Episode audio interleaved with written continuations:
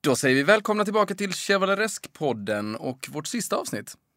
Ja, sista avsnittet. Hur, känns, hur, hur har det känts? Det, här, det är min första podd, din första podd också. Det har ändå känts förvånansvärt bra. Jag trodde ju inte att det skulle vara eh, mitt forum riktigt. Och det, det är det säkert inte. Men det har ändå varit väldigt kul. Du var skeptisk till en början, Mm. som du säger, och jag var lite mer ängslig. Jag var inte så skeptisk egentligen. Jag tänkte att vi kan nog prata på, men retrospektivt så är jag eh, nöjd, eh, glad att vi har gjort det här tillsammans och, och lite, lite stolt faktiskt. Jag har fått av mina vänner och eh, lyssnare och bekanta väldigt mycket fina komplimanger. Jag har egentligen inte hört så mycket negativt. Det är någon som har klagat på ljudet ibland, vilket är förståeligt för vi har fått färdas långväga för att spela in då och då. Men det, det är fine tycker jag. Eh, temporära studios och sådär, men jag tycker vi har skött oss utmärkt. Okej, nu. Håll i hatten nu, för nu ska vi dela ut hattar. Mhm. Eh, jag ger Chevaleresk-podden eh, 92 hattar. Oj, oj, oj. Ja, men det gör jag utifrån förutsättningarna. Vi har inte gjort det här och så vidare. Och jag ger Måns Zelmerlöw 91 hattar. Jag fick lägre än själva podden. Vilket betyder att du ger dig själv en högre score. Nej, jag ger mig själv 90 hattar faktiskt. Varför då? Nej, men jag tycker att du är lite bättre på sådana här saker än vad jag är. Jag tycker jag Du alltid... driver ju hela den här podden, vilket är väldigt uppskattat. Nej, Så jag skulle nog ge dig 93 hattar, mig själv kanske 85. Podden som helhet, ja, 90, 92 tycker jag var adekvat. Men varför 85 hattar på dig själv? Folk tycker du är För att på det jag, här också. sitter, jag sitter ju mest och, och, och följer med bara. Jo, men det hade ju varit lite konstigt om det var tvärtom. Det är ju faktiskt så att programmet är ju ändå egentligen uppbyggt på, från allra första början, mina intressen, kan vi säga. Mm, Så absolut. det, det blir ju lite, det blir lite konstigt om inte jag skulle vara drivande i podden om vi ska prata om chevalereska saker som vi ändå gör någonstans. Sen pratar vi mycket om livet, våra personliga egenskaper, våra beteenden och så vidare. Men jag, det känns inte så konstigt, tycker inte jag. Nej. What should I do?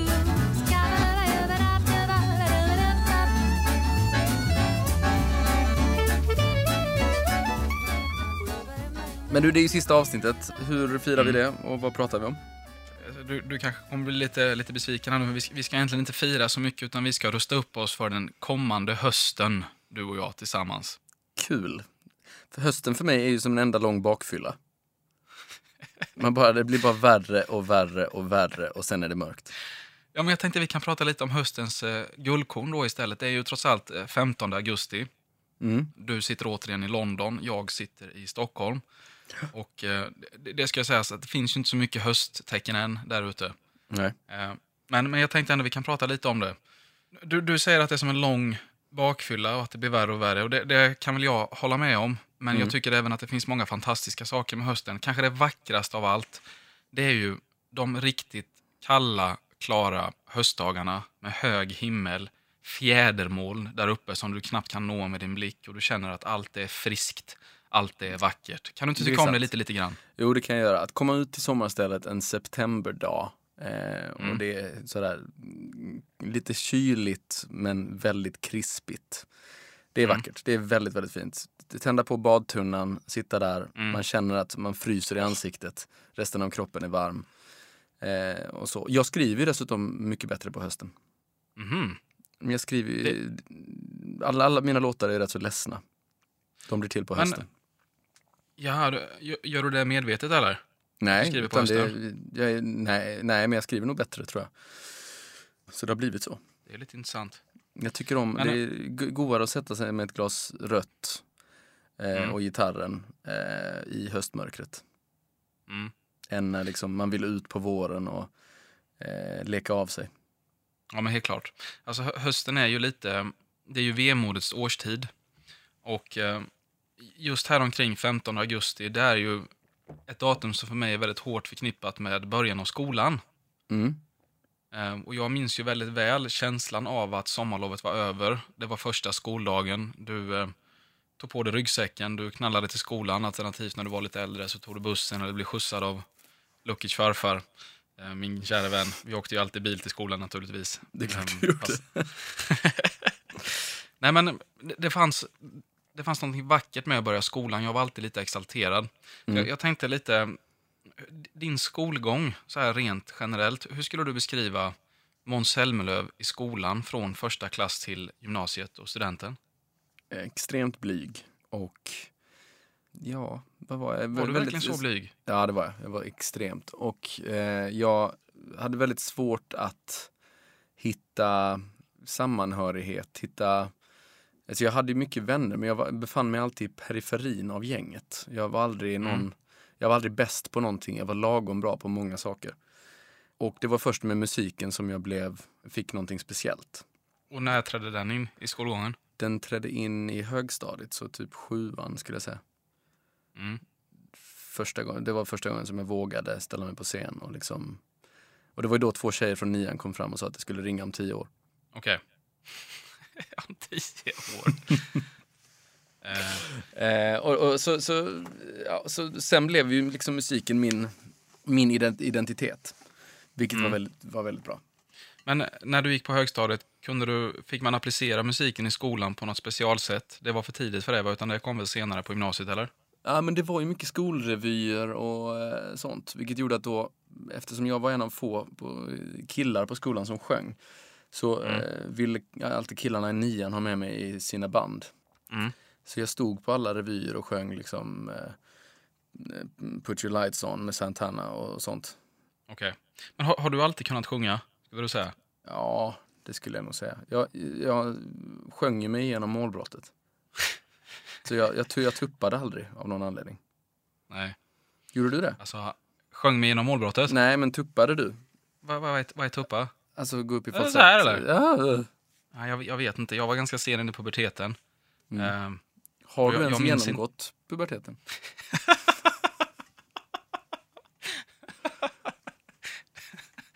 det var bland det roligaste jag hört på länge faktiskt. Eh, nej, jag, jag har skägg åtminstone. Ja, det har du faktiskt. Men jag, alltså allt, allt det där, det, kom ju, det, det var lite problematiskt som kille att vara, att vara så sen som jag var. Man fick ju utstå en hel del glåpord. Jag kallades ju antimös till exempel. Antimös.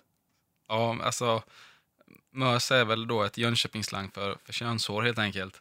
Jaha. Och, och Så i innebandylag, inåt, inåtgående könshår? ja, jag hade väl inget på ett tag då helt enkelt för att jag var så sen i puberteten. Så då, då valde de andra i mitt innebandylag, mina kära vänner, att kalla mig antimös hela tiden. Det var kul. Ja. Ja, men det, det låter lite som att du och jag hade lite, samma, samma situation lite. Jag var ju väldigt rädd för omklädningsrummet.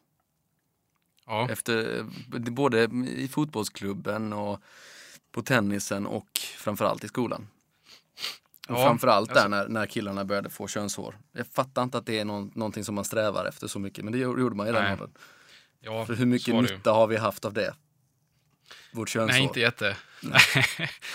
Nej, men jag var väl en speciell omklädningsrumsdeltagare. Jag hade ju vissa saker för mig där i innebandylaget. Jag brukade ju ta vax i håret innan jag duschade till exempel. Det är ju en, en klassiker. Det kan jag rekommendera till alla de som fortfarande använder det, det röda dagsvaxet. Kommer du ihåg det? Ja, helvete ja. Men det satt Ja. ju å andra sidan i, så jag förstår att du la i det innan du duschade. Ja, exakt. Det blir perfekt då. Och, och sen så tog jag ofta deo på armarna också. Det var bland det märkligare jag gjort. Jag vet inte varför. Mycket märkligt. Men ja, det röda dagsvax, alltså det, för det gick ju aldrig ur. Nej. Det Nej, var nej. det äckligaste. Alltså, hade man väl fått i det en gång, så, Mm. sen var det ju kört. Jag vet, vissa av mina polare använder fortfarande dagsvax. Det, det, det är mig helt oförklarligt hur man kan göra det. Ja, men det Ehm. håller, håller ju i i alla fall. Det är om skolgången. Jag, jag tyckte väldigt mycket om att gå i skolan. Jag trivdes väl, jag var aldrig skoltrött. Ganska smärtfria upplevelser. Det var väl... Jag minns en gång eh, när jag började åttan, eller när jag kom tillbaka från eh, vinterlovet i åttan. Då mådde jag riktigt dåligt. Då hade vi varit på innebandycup och jag hade grava hemlängtansproblem när jag var yngre. Vilket jag fick mycket skit för också då, innebandylaget naturligtvis. Du vet det här med att stötta varandra är ingenting man gör som tonåring utan man, man hänger Nej. ut varandra och kör på. Eh, Absolut. Så jag var iväg på en innebandycup där och mådde skräp. Och sen när jag kom, över, kom tillbaka till skolan då, då spillde det över på något sätt. Så jag satt, satt ju mellan lektionerna och hade hemlängtan. Satt ju och grät.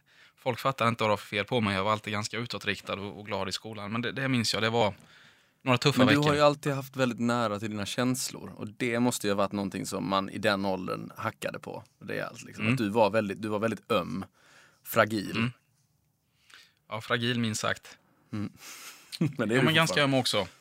Eh, och och kommunikativ sådär. Och det gjorde väl också att eh, jag hade ganska turligt nog mycket kompisar och många flickvänner. Det var trevligt. Mm. Ja, var du Den den, den killen som gärna hängde med tjejerna istället?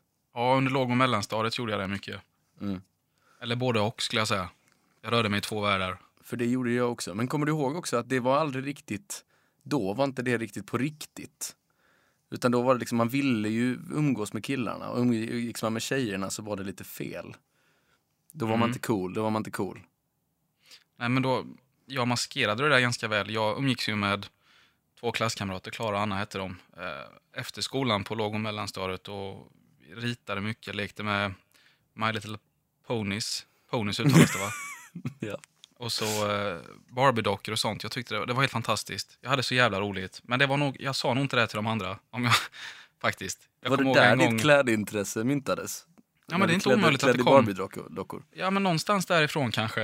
Eh, jag minns en gång var det lite traumatiskt när vi skulle spela landhockey, vilket är det roligaste jag någonsin har gjort egentligen i mitt liv. Det var alla landhockeymatcher. Men jag kommer ihåg jag tyckte det var så kul att leka med My Little Pony så att jag sket i landhockeyn en gång. Min storebror var vansinnig. Jag kunde absolut inte säga vad det berodde på.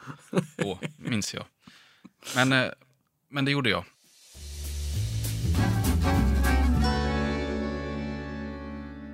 Men åter till höst i alla fall. Och jag tänkte att även den här veckan då så ska vi prata, vi, prata lite om de här, eh, eller prata prata, vi ska svara Var på några lyssnarfrågor. men bara tillbaka, jag tyckte ändå det här var väldigt spännande. Var, var dina Mm. föräldrar då, tänkte de att din sexuella läggning kunde vara en annan? Nej, jag tror aldrig de har reflekterat över det. Nej. För mina, mina föräldrar, framförallt mamma, var ju helt, helt säker på att jag var gay. När min bästa kompis under eh, gymnasiet, Tillman, alltid sov över. Okej? Så hon kom ju ner varje morgon.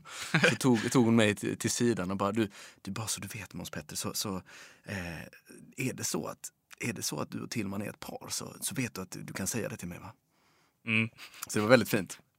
Birgitta, vad fin hon var där. Ja, eh, Men men, men- men det var lite som att hon ville att jag skulle vara gay. Så Mm. hon, press, hon pu- pushade nästan lite väl mycket på det. Okej. Men, men eh, så, jag har ju träffat Birgitta ett antal gånger. Nu vet inte jag om hon lyssnar på podden eller inte. Jag vet att min mamma lyssnar i alla fall. Nej, det gör hon inte. Men, nej, men Birgitta är ju väldigt, eh, hon, är ju ganska fri när det gäller sånt där. Hon, hon Mm. har ju inte riktigt några spärrar kanske är lite elakt att säga, för det, det har hon väl visserligen. Men hon, hon river ju ner filter. Mm, det. Eh, eh, Men det känns också gällande- som att hon, hon vill väldigt gärna vara PK och modern. Eh, så hon Mm. gör det nog mest för att det ska, det ska vara så. Ja, Men eh, PK är hon inte, det kan vi ju säga. nej, det, det är hon absolut inte. Eh, nej, hon är grym på, väl, på Ja. väldigt många sätt. Min kära mor. Absolut. Nej, men i alla fall, eh, jag tänkte när vi ska prata lite höst då, så tänkte jag att vi skulle prata lite om, eh, om kläder, såklart. Alltid kul Mm. och spännande att prata om höstkläder, för det är ändå den roligaste säsongen för kläder tycker jag. Eh, sen har vi fått önskemål om att vi ska prata lite mer om whisky, eh, faktiskt. Jag, eh, du Har småler. du här nu. skrivit de här önskemålen själv? Nej, det har jag faktiskt inte. Det här är våra kära Chevaleresque-anhängare som har, som har frågat. Och eh, även eh, den, den, den första frågan kan vi faktiskt klara av här direkt. Det är från Sanna75 som är en, en eh, härlig påhejare tycker jag på Instagram. Hon undrar om vi kommer fortsätta med podden. Och, kommer vi det? Ja, alltså hittar vi ett bra eh, forum för det, så, så det blir lätt att göra, så absolut. Det har Mm. jag inga problem med. Jag tycker det är jättetrevligt att sitta här. Det här är ju liksom Mm. den enda, gången, enda chansen jag får att prata med dig. Det är inte bara mitt fel, eller? Jo, du, det är du som har varit i Italien i fyra veckor. Ja. Men, Jag var i Kroatien förra veckan förresten. Och seglade. du? Det var chevalereskt. eh, Vänta nu, det här har jag missat helt. Va? Har- Men du, du kan inte åka och segla i Kroatien utan mig. Ja, jag. Jag ska alltid Alltså, med när vi seglar i Kroatien. jag vill så gärna att du ska följa med någon gång. Men eh, jo, visste du förresten att mam, nya Mamma Mia-filmen är inspelad i Kroatien? På Viss. Där vi ska gifta oss. Ska vi, oj, nu, nu måste vi lugna ner oss här väldigt, väldigt mycket. Nu har jag många Mm. frågor. Nummer ett. Mm. Vadå nya Mamma Mia-filmen? Har du missat att det finns en Mamma Mia 2? När kom den? Bio, gå på bio nu. Vilka, Och vilka den ska spelar? tydligen vara, alltså jag, jag, jag spyr ju lite när jag hör att Mamma Mia 2 har kommit ut. Mm. Men eh, den ska tydligen vara riktigt bra. Alltså mycket bättre än ettan. Men jag tycker inte ettan var så dålig. Jag tycker de gjorde det ganska bra. Ja men ettan är, lö, den är lö, fruktansvärt lökig. Ja, absolut. Men jag tycker inte att eh, skådespelarna gör någon dålig insats. Det är kanske inte så att jag söker upp den på, på Netflix och tittar på den på repeat. Men jag säger inte att jag tyckte att den var anskrämligt dålig. Nej, det var den kanske inte. Men nu är Cher med och Cher gör det fantastiskt. Eh, och... Eh, Cher. Mm, eh, Lever hon? Ja, det gör hon tydligen. Det var länge sedan man hörde från henne. Ja, verkligen. Men nu gör hon storstilad comeback. Ja, Men, det segla, inte- segla i Kroatien kan vi ju i alla fall rekommendera. Hyra en segelbåt och eh, glida runt bland öarna. Det är det men- bästa man kan göra på semester. Ja, det är helt fantastiskt. Vi seglade ju 2014 hela gänget till Kroatien. Det var, det var magiskt när du tog med oss dit. Men det jag skulle säga var, ni har alltså, nu har ni spikat location för bröllopet. Ja, visst, så det ska... Eh, precis, och nästa år blir det. Kan, kan, du, kan du avslöja Vill månad? du vara marskalk? Får jag det? Ja, visst. Alltså det är många, det är många, många avslöjanden här nu som jag är helt, eh, helt ställd på. Jag vill jättegärna vara marskalk, men du måste förstå att jag, jag kommer bestämma vad jag ska ha på mig. Du kan inte säga till mig vad jag ska ha på mig nu. Nej, men du, Blue Jallo ska få bestämma det tänkte jag. Är det sant? Mm. Nu ska vi förtydliga här, det här är inte spons på något sätt. Nej, nej. Eh, Men Nej, det det- kanske kan bli. kanske kan bli. ja men gud vad trevligt. Ska, vi åka dit tillsammans då och, och kolla på lite sånt här eller? Tänkte jag. Det vore trevligt med en rekresa. Ja. Alltså jag är så taggad nu. När åker vi? Ska vi ta det till våren kanske? Möta våren Mm. i Kroatien. Ja, det ska vi göra. Alltså jag, mitt huvud håller på att implodera här nu av materialval och tyger och skjortkragar och allt möjligt. Oh, alltså jag blir väldigt glad här nu. Det här var första gången jag hörde talas om det. Så nu, jag är lite, jag är alldeles till mig här nu. Eh, nu ska vi se vad vi är körschemat här. En herre som heter Viktor vill veta om höstens måsten i garderoben. Och eh, jag har ju då funderat lite på det här, så jag tänkte att du kan ju fundera en liten stund Måns när jag säger att eh, jag tänker framförallt på två saker som man borde ha i sin höstgarderob. Och det första är ju en vettig rock av något slag. En Mm. Vettig ullrock. Nej, men du kan ha en trenchcoat också. Jag, jag skulle komma, komma till det. Eh, trenchen för tidig höst och ullrocken för sen höst och början av vintern. Mm. Eh, jag tillhör faktiskt den skaran som tycker att när det är riktigt, riktigt kallt i Sverige så behöver man något annat än en ullrock. Då brukar jag ta på mig en parkas när det är så här svinkallt, även om det inte är lika snyggt. Men eh, när det gäller en ullrock så tycker jag man ska satsa på eh, framförallt två saker. Den första är att färgen på rocken ska passa så mycket kläder som möjligt i garderoben. Och då tycker jag att eh, en mörkblå är ett väldigt bra val. Alternativt en mörkt grön eller en mörkt grå. Och Det- är det... Förlåt, vad sa du? Det jag har funderat på är ju, får, på, på trenchen, får Mm. man ha, upp, ha kragen uppåt, uppfälld? Ja, det tycker jag absolut att man får. Det fanns ju anledning till att en, tren, en riktig trenchcoat-krage är ju väldigt styv. Mm. Och det är för att du ska kunna ha den uppfälld för att den ska skydda mot väta och vind. Det är ju ett praktiskt plagg från början som utvecklades eh, av Burberry och Aquascutum, tror jag det uttalas. Och det hade ju lite med skyttegravskriget under första världskriget att göra, att de här skulle vara behjälpliga nere i, i skyttegravarna helt enkelt. Det finns ju massa små finesser och, och praktikaliteter som är väldigt bra med dem. Men Men en krispig, absolut- en krispig höstdag då? Det, blir man frowned upon om man har uppfälld krage? Nej, verkligen inte. Nej. Jag tycker inte det. Jag tycker det, det är lite mer vad, det har väl med att göra vad du är sugen på, om du tycker att det är snyggt för dagen. Men lite vad du har för plagg under också. Kanske har du en polotröja till exempel som du ofta har. Mm. Då tycker jag med fördel att man kan fälla upp den. Visst är det vansinnigt fint. Ja, det är jättefint. Så inga konstigheter alls.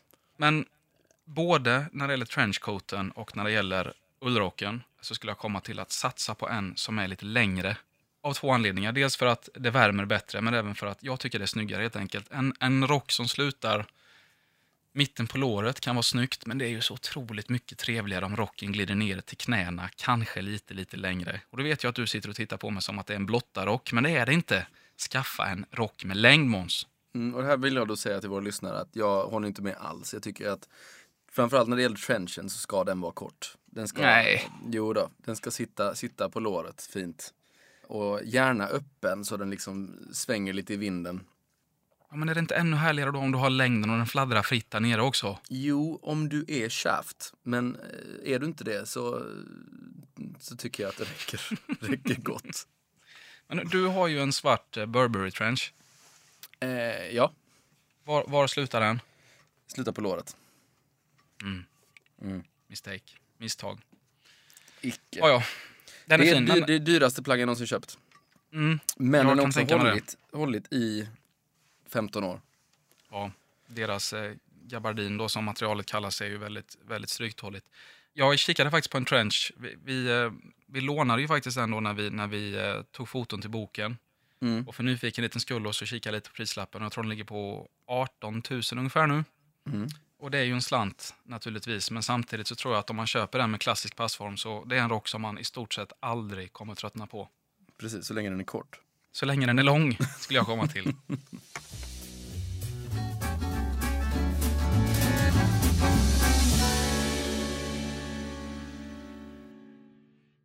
Vad har du mer för plagg som, som är höstens måsten för dig?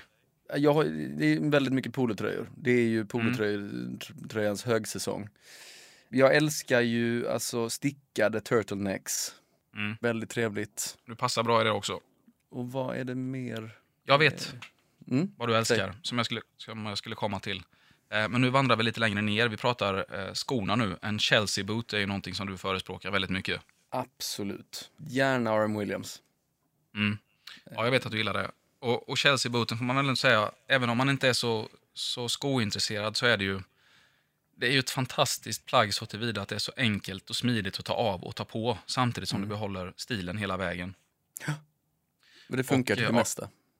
Ja, det gör det. Det funkar jättebra till jeans, det funkar bra till, eh, till flanellbyxor. Eh, Till jag vill även slå...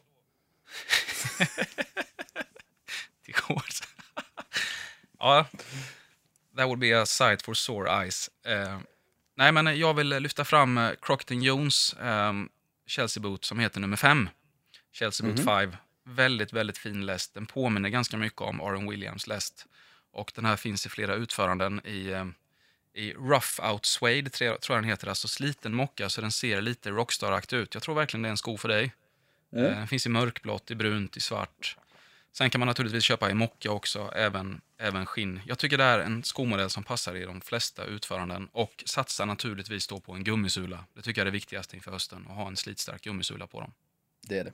Så trench, en ullrock och en Chelsea-boot är väl lite av höstens måsten. Sen skulle Ja. jag väl en, även eh, vilja lyfta fram ett, ett material här. Jag vill se lite vad du tycker om det här. Man kan säga att Searsucker har ju varit eh, sommarens hetaste eh, tyg, bäck, eh, som det kallas på svenska. Mm. Men det som kommer vara väldigt mycket till hösten, det har redan börjat letas in på marknaden i något år, det är ju Manchester. Mm. Eh, vad, har du, vad har du för relation till Manchester? Jag klädde mig väldigt mycket i Manchester på mellanstadiet. Det var inte någon höjdpunkt i mitt eh, eh, modeliv. Varför inte det? Så, nej, jag tycker, alltså, jag tycker sällan det är snyggt. Jag tycker sällan passformerna blir bra på ett par manchesterbyxor till exempel. Ehm, jag kan absolut se en kavaj, en snygg Paul Smith-kavaj i Manchester. Mm. Men eh, nej, byxor eh, håller jag mig ifrån. Okej. Ehm, då vill jag flika in och säga att det är ett av mina favoritmaterial, alla kategorier. Ehm, jag tycker det är väldigt tråkigt när det försvinner från marknaden. För mig är inte det här... Det är ett ganska cykliskt material. Det var ju stort på 70-talet och sen var det väl stort för, vad kan det ha varit, 20 år sedan. Jag kommer ihåg att jag hade också mycket Manchester på mig på låg och mellanstadiet. Jag älskade det redan från början. Mamma och pappa överöste mig med Manchester. Mm. Så fantastiskt vackert. Och ehm, både ehm, bredspårig och eh, lite tunnare då. Ehm, nu för tiden så förespråkar jag väl den, den bredspåriga lite mer. Jag tycker det är, jag vet inte, lite snyggare när det är lite grövre. Och eh, jag kommer trycka på ordentligt med Manchester i min garderob i höst. Eh, min Mm. dröm är en mörkblå Manchester-kostym. Jag måste lösa det på något sätt. Med, eh, Nej. jo, jo Det lyssna blir nu på mig. mycket, Och det kommer Nej, se det så bylsigt och, och stort ut. Ja, men det är så härligt med volym. Jag tänker riktigt höga i midjan. Eh, slag på dem naturligtvis. Och sen så tänker jag patch pockets på. Eller kanske en vanlig ficka förresten för att tona ner lite.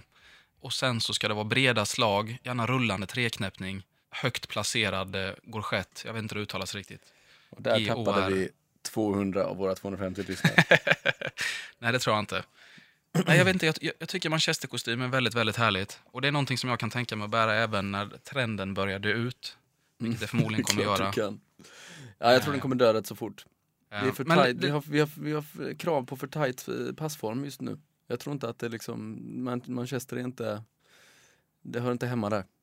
Men det är ju inte så tajt passform om du tittar på det skräddade modet. Där förespråkas ju volym och Mm. lite frihet snarare. Men det, ni är ju också tre pers som har det. Det är du, Edvard Blom och Carl Bildt. Carl Bildt. Han har väl inte den stilmedvetenheten så han skulle slänga på sig Manchester. Edvard Blom, möjligtvis. Du förresten, oh, jag ska komma med ett litet eh, stiltips till här nu. Mm. Lyssna på mig väldigt noga nu. Det här är inte spons på något sätt. Det ska förtydligas. Det finns ett eh, skomärke i Sverige som heter Morjas Okej. som började, göra, eller som började sin bana med att göra loafers. Eh, Grundaren är väldigt influerad av Spanien och han såg mycket loafers där i sin barndom så att han har börjat göra kvalitetsloafers till ett väldigt bra pris. Jag tror de tar ungefär 2000 kronor då för randsydda loafers. Eh, man kan gå in på morjas.se och titta. Och en av de första modellerna de började med, den hette Arrebol, tror jag det uttalas. Nu tror jag att de har döpt om dem, så nu heter den bara Penny Loafer. Och eh, Penny Loafern är ju den loafern med det lilla spännet du vet där fram där det har ett litet eh, Ja, ja. mönster. Myntinkast. Ja, myntinkast, ja precis.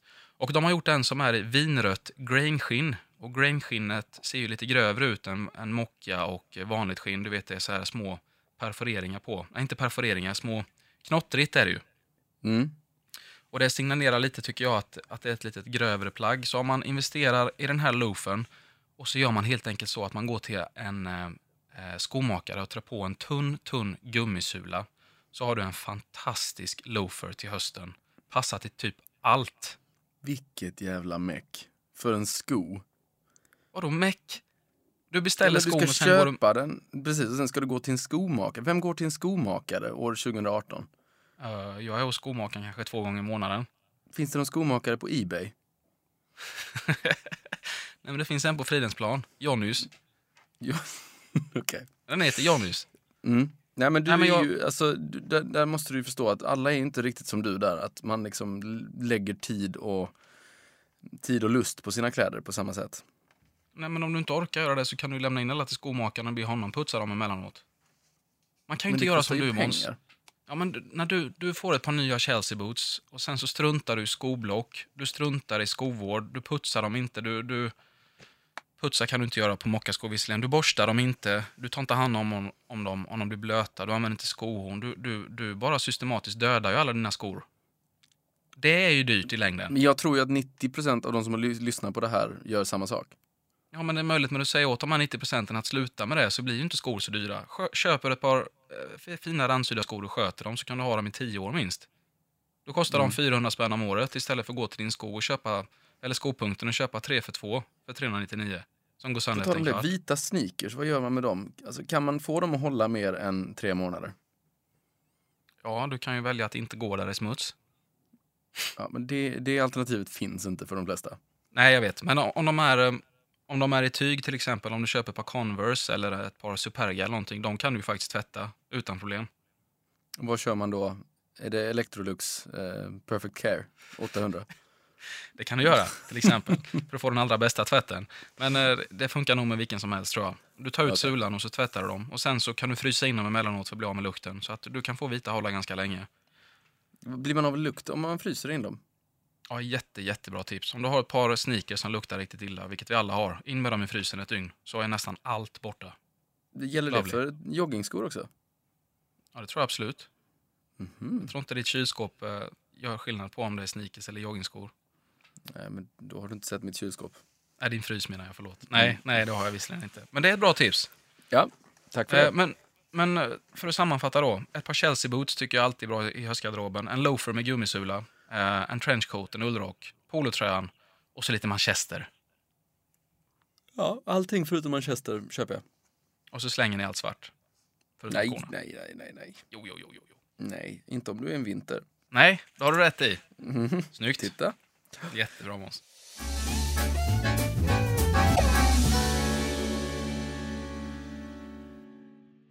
Du drack tomatin häromdagen. Mm. Mm. Mm. Var det bra eller? Ja, men alltså Tomatin 1976 är ju... Jag får nog ändå säga att det är en av mina tre stora whiskyupplevelser första gången jag testade det. Det är som att dricka nektar och ambrosia. Tänk dig att jordgubbar som är odlade i Bilbos trädgård i Fylke, honung som är framställd på Olympen under Zeus stilsäkra hand, grädde som är vispad i nirvana. Kan du förstå vad jag menar? Nej, det kan jag inte. Ehm, men skulle du säga att det är världens bästa whisky? Nej, det, det skulle jag inte göra. För att eh, världens bästa whisky, jag vet inte om jag har hittat den än, men Tomatin 76 den kanske inte är så komplex, utan allting handlar egentligen bara om sensuella, förföriska frukter. Det finns inte så mycket Mm. djup i den, men det behöver du inte alla gånger heller. Vill du dricka en Är riktigt det frust... en av, de, en av dina flaskor som du, som du samlar på eller? Ja, eh, jag var... Så du korkar Jo. upp den? ja men jag, den har jag dubblett av. Ja, okej. Så jag korkar upp en. Jag har fem 76 hemma tror jag. Och jag, tyvärr förstod jag lite för sent storheten i dem. Så att när jag började samla, eller när jag började köpa på mig lite Tomatin 76, då hade det ändå gått något år efter det att de släpptes. De kom runt 10, 11 och 12 och då blev det ju dyrare och dyrare. Nu är det helt omöjligt att köpa en Tomatin 76 förutom på auktion. Och då ligger de väl Mm. på 5000 kanske eller någonting. Så det blir tufft. Okej. När det gäller höst så är det ju så att eh, jag varierar i mitt whiskydrickande efter årstid som du vet. Mm. Eh, och eh, hösten är ju lite kallare, lite mörkare, lite mer mulen. Så att jag tycker att det är ett utmärkt sätt att ta steget in i den sherrylagrade världen under höstens senare månader. Så jag tänkte att jag skulle ge ett litet tips här på fem fantastiskt fina sherrylagrade whiskysorter. Och vi har pratat om det jättemycket. Ja, som vi längtat. Jag känner att du, du, nu är du väldigt elak på andra sidan där. Eh, Nej då, kör. Ja, men, em, du vet ju skillnaden på bourbon och sherrylagrat. Vi har pratat om det så många gånger. Sherrylagrat är ju lite tyngre i smaken rent generellt då med de här torkade frukterna, lite höstlöv kanske du kan hitta i choklad och så vidare. Så att det, känns Fikon. ju mer fikon, absolut, dadlar, eh, mjölkchoklad, apelsin, eh, kryddor som kanel, kardemumma, nejlika. Så det känns ju helt klart som höstens och vinterns typ av lagring. Och då pratar vi ofta first fill, eh, det vill säga ett fat som är lagrat för första gången med whisky så det har bara varit sherry innan. Ju mer du använder ett fat, desto mindre kommer det släppa ifrån sig ursprungliga drycken då, om du förstår vad jag menar. Mm.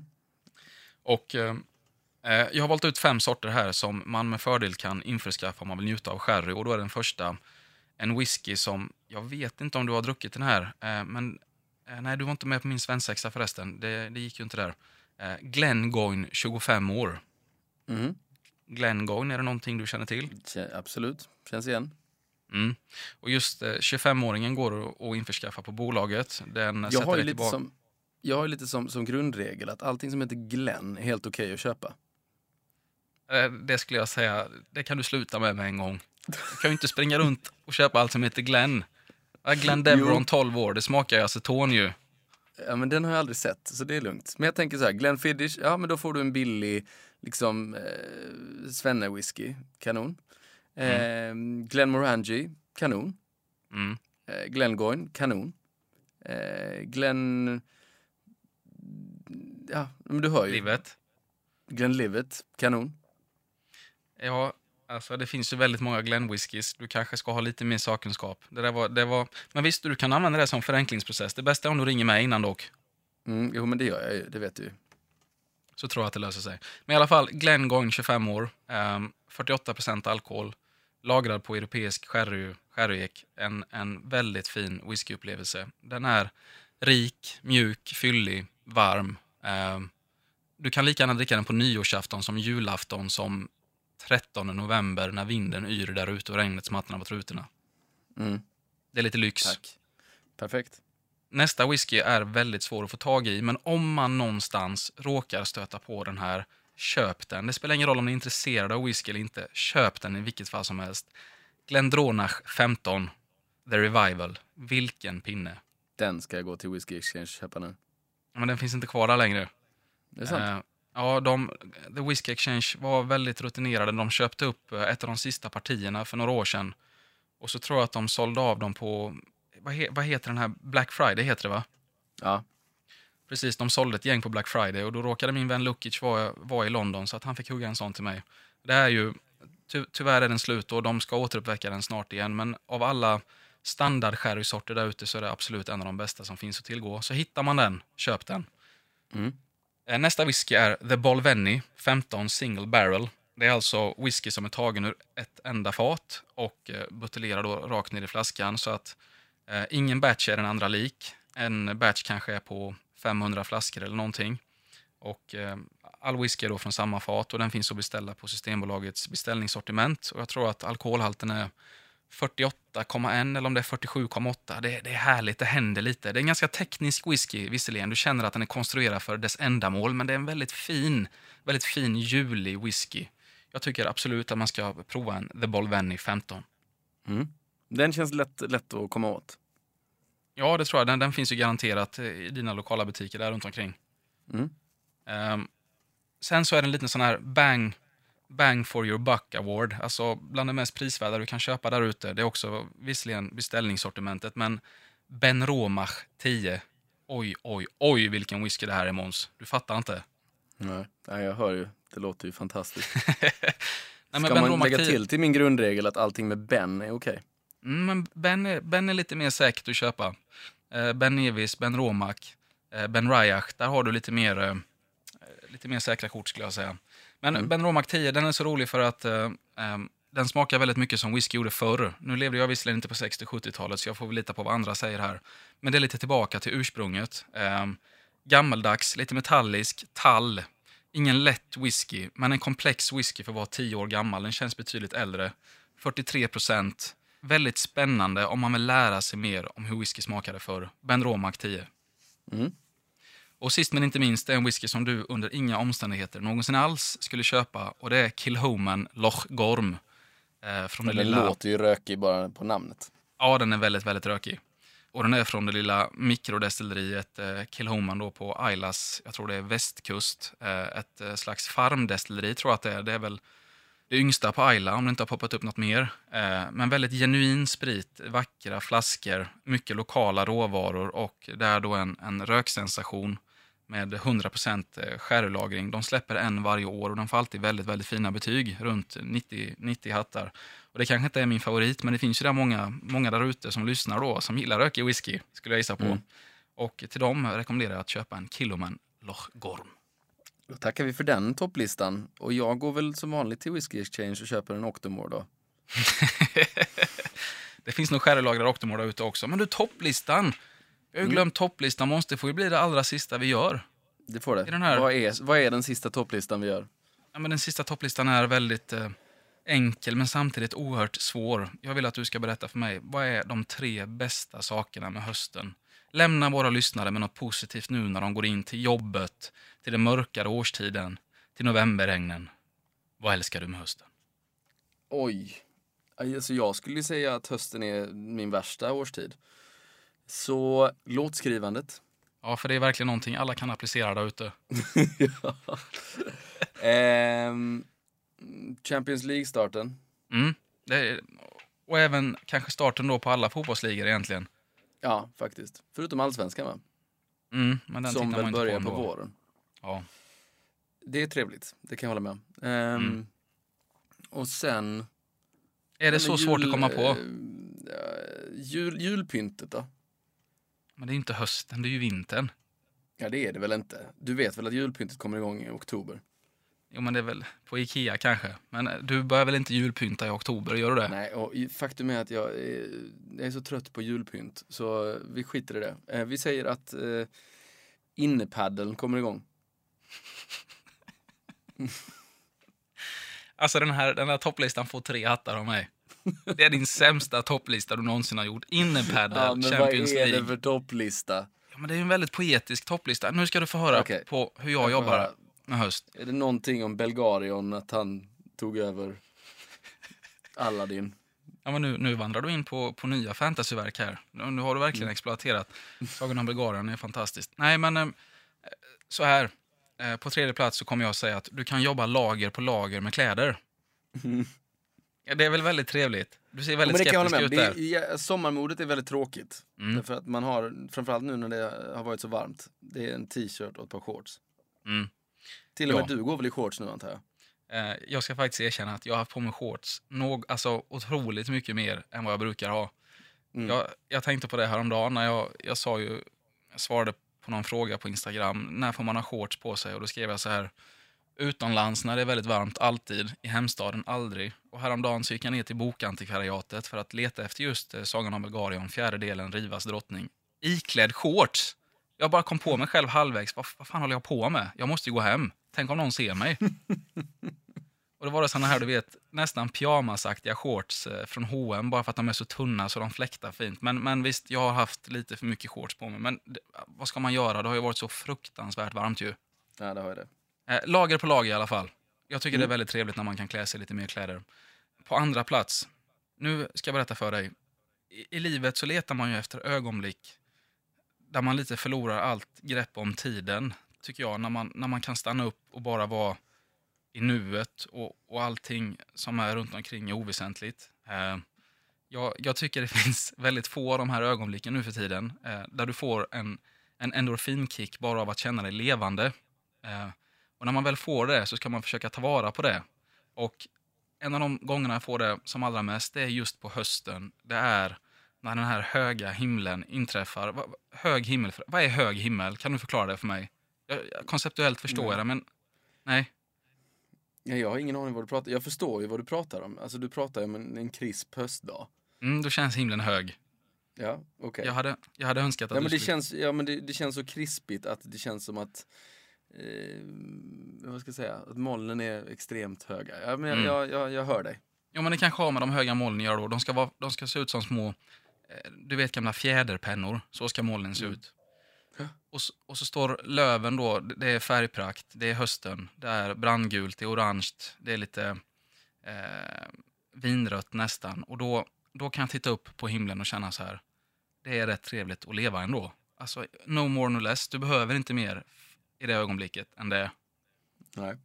Det är nummer två på Det min var topplista. väldigt, ja, väldigt poetiskt och fint. Ja, jag, jag, jag försökte verkligen där. Det kanske nu har jag ju satt mig själv i klistret här. Det är lite konstigt att ha med den som nummer två på topplistan. Glädjen att leva. Vad, vad kan möjligtvis övertrumfa det? Men, eh, men då Ja. har jag en. Och det är, Olidligt Eh, spännande. ja, varje höst då så brukar jag, eh, brukar jag alltid börja läsa om ett av Tolkiens alla verk. Eh, oavsett om det är Bilbo, Silmarillion, Sagor från Midgård eller Sagan om ringen. Och det är ju något speciellt, en speciell känsla att börja läsa om just eh, Sagan om ringen eh, med svenska översättningen av Åke Olmarks. Så ska du ha Norstedts upplaga från, nu ska vi se när den kom, 20, 98 tror jag det är, det är mina favorit, min favoritupplaga. Men det här eh, första boken är då, de står utanför Morias port. Det är Alan Lee som har målat. Eh, Gandalf står där och knackar på porten. Och bara känslan av den boken i handen och bläddra upp i de första kapitlen när de är i fylke, allting är fridfullt, harmoniskt. Frodo är inte så ansatt än av alla krav han får på sig. Och så vandrar de vidare eh, genom eh, bonden Maggots sädeslag och allt det här. Och så tar du en liten, liten, liten pinne till det. När du sitter där och Vi läser. är så olika, Alexander Wiberg. hur, blev, hur blev vi någonsin vänner? Jag förstår inte det. Nej, När vet. läser du det här? När, när, när tar du dig tid att lägga dig eller sätta dig med Sagan om ringen? Och vetskapen om att det här är ju alltså ett års läsning jag har framför mig. nej men det här gör jag varje eftermiddag, varje kväll. I stort sett. Men, Alltså, ja, så du, du kan alltså koppla bort jobbet och livet så pass mycket varje eftermiddag och varje kväll? Men jag har inget val. Jag, behö jag behöver nog göra det för att processa alla intryck som sker varje dag. på något sätt. Jag behöver verklighetsflykt. Du vet ju att det är ett av mina signum, att fly verkligheten. Ja, det är det. Det, det är väldigt Men viktigt. ändå så omfamnar du livet på andra plats. ja, det är visserligen sant. Det gör jag. Ja, Ja, det är fint. Det var en djup, djup topplista. ja jag ger mig, Eh. alltså den här topplistan får ändå 95 hattar. Så, så gemensamt fick vi 98 genom två då som är 49. 49 hattar. Mm. Det var inte vår bästa då. Nej, Men eh, vi kanske inte behöver avsluta på topp heller. Nej, men eh, våra, våra olikheter är väl det som, som gör allting så fantastiskt. Det var ju faktiskt en person som också frågade hur vi lärde känna varandra. Och den här historien har vi berättat så många gånger så att vi kan bara sammanfatta den lite. Att allting började i moll, egentligen. Ja, det gjorde det. Vi började Men- med att hata varandra. Vi började med att hata varandra. Men nu älskar vi varandra. Det gör vi verkligen. Det är fint. Ehm, det är det. Och med det, Så tackar eh. vi för den här första säsongen av Chevaleresk-podden. Det gör vi. Och hoppas att ni fortsätter lyssna och titta. Och eh, att Bowmore fortsätter sponsra. Verkligen. Att livet fortsätter vara härligt även trots det är höst. Ja, jag vill verkligen rikta ett tack till alla de lyssnare som har engagerat sig och ställt frågor och i- kommit med fina komplimanger och även tips på hur vi kan förbättra oss. Det, du är mycket mer van vid det här att ha interaktion med, med följare och fans och så vidare. Men många säger så här att "Ja, jag vill tacka alla mina fans och bla bla bla. Men det jag menar är att verkligen tack på riktigt för att när man gör en sån här sak, i alla fall jag då som är helt oerfaren, känner mig lite utsatt. Mm. Och när man får då någon form av feedback där folk engagerar sig, det betyder faktiskt väldigt mycket. Så tack så jättemycket alla som har lyssnat och uppmuntrat. Och tack igen Bomor. Tack. Tack snälla. Ha det fint. Detsamma, vi hörs snart. Glad, hö- glad höst. Hej.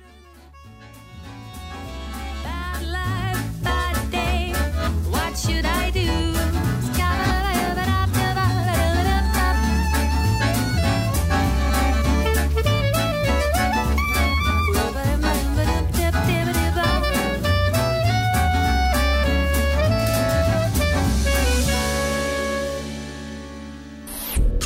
av I Like Radio.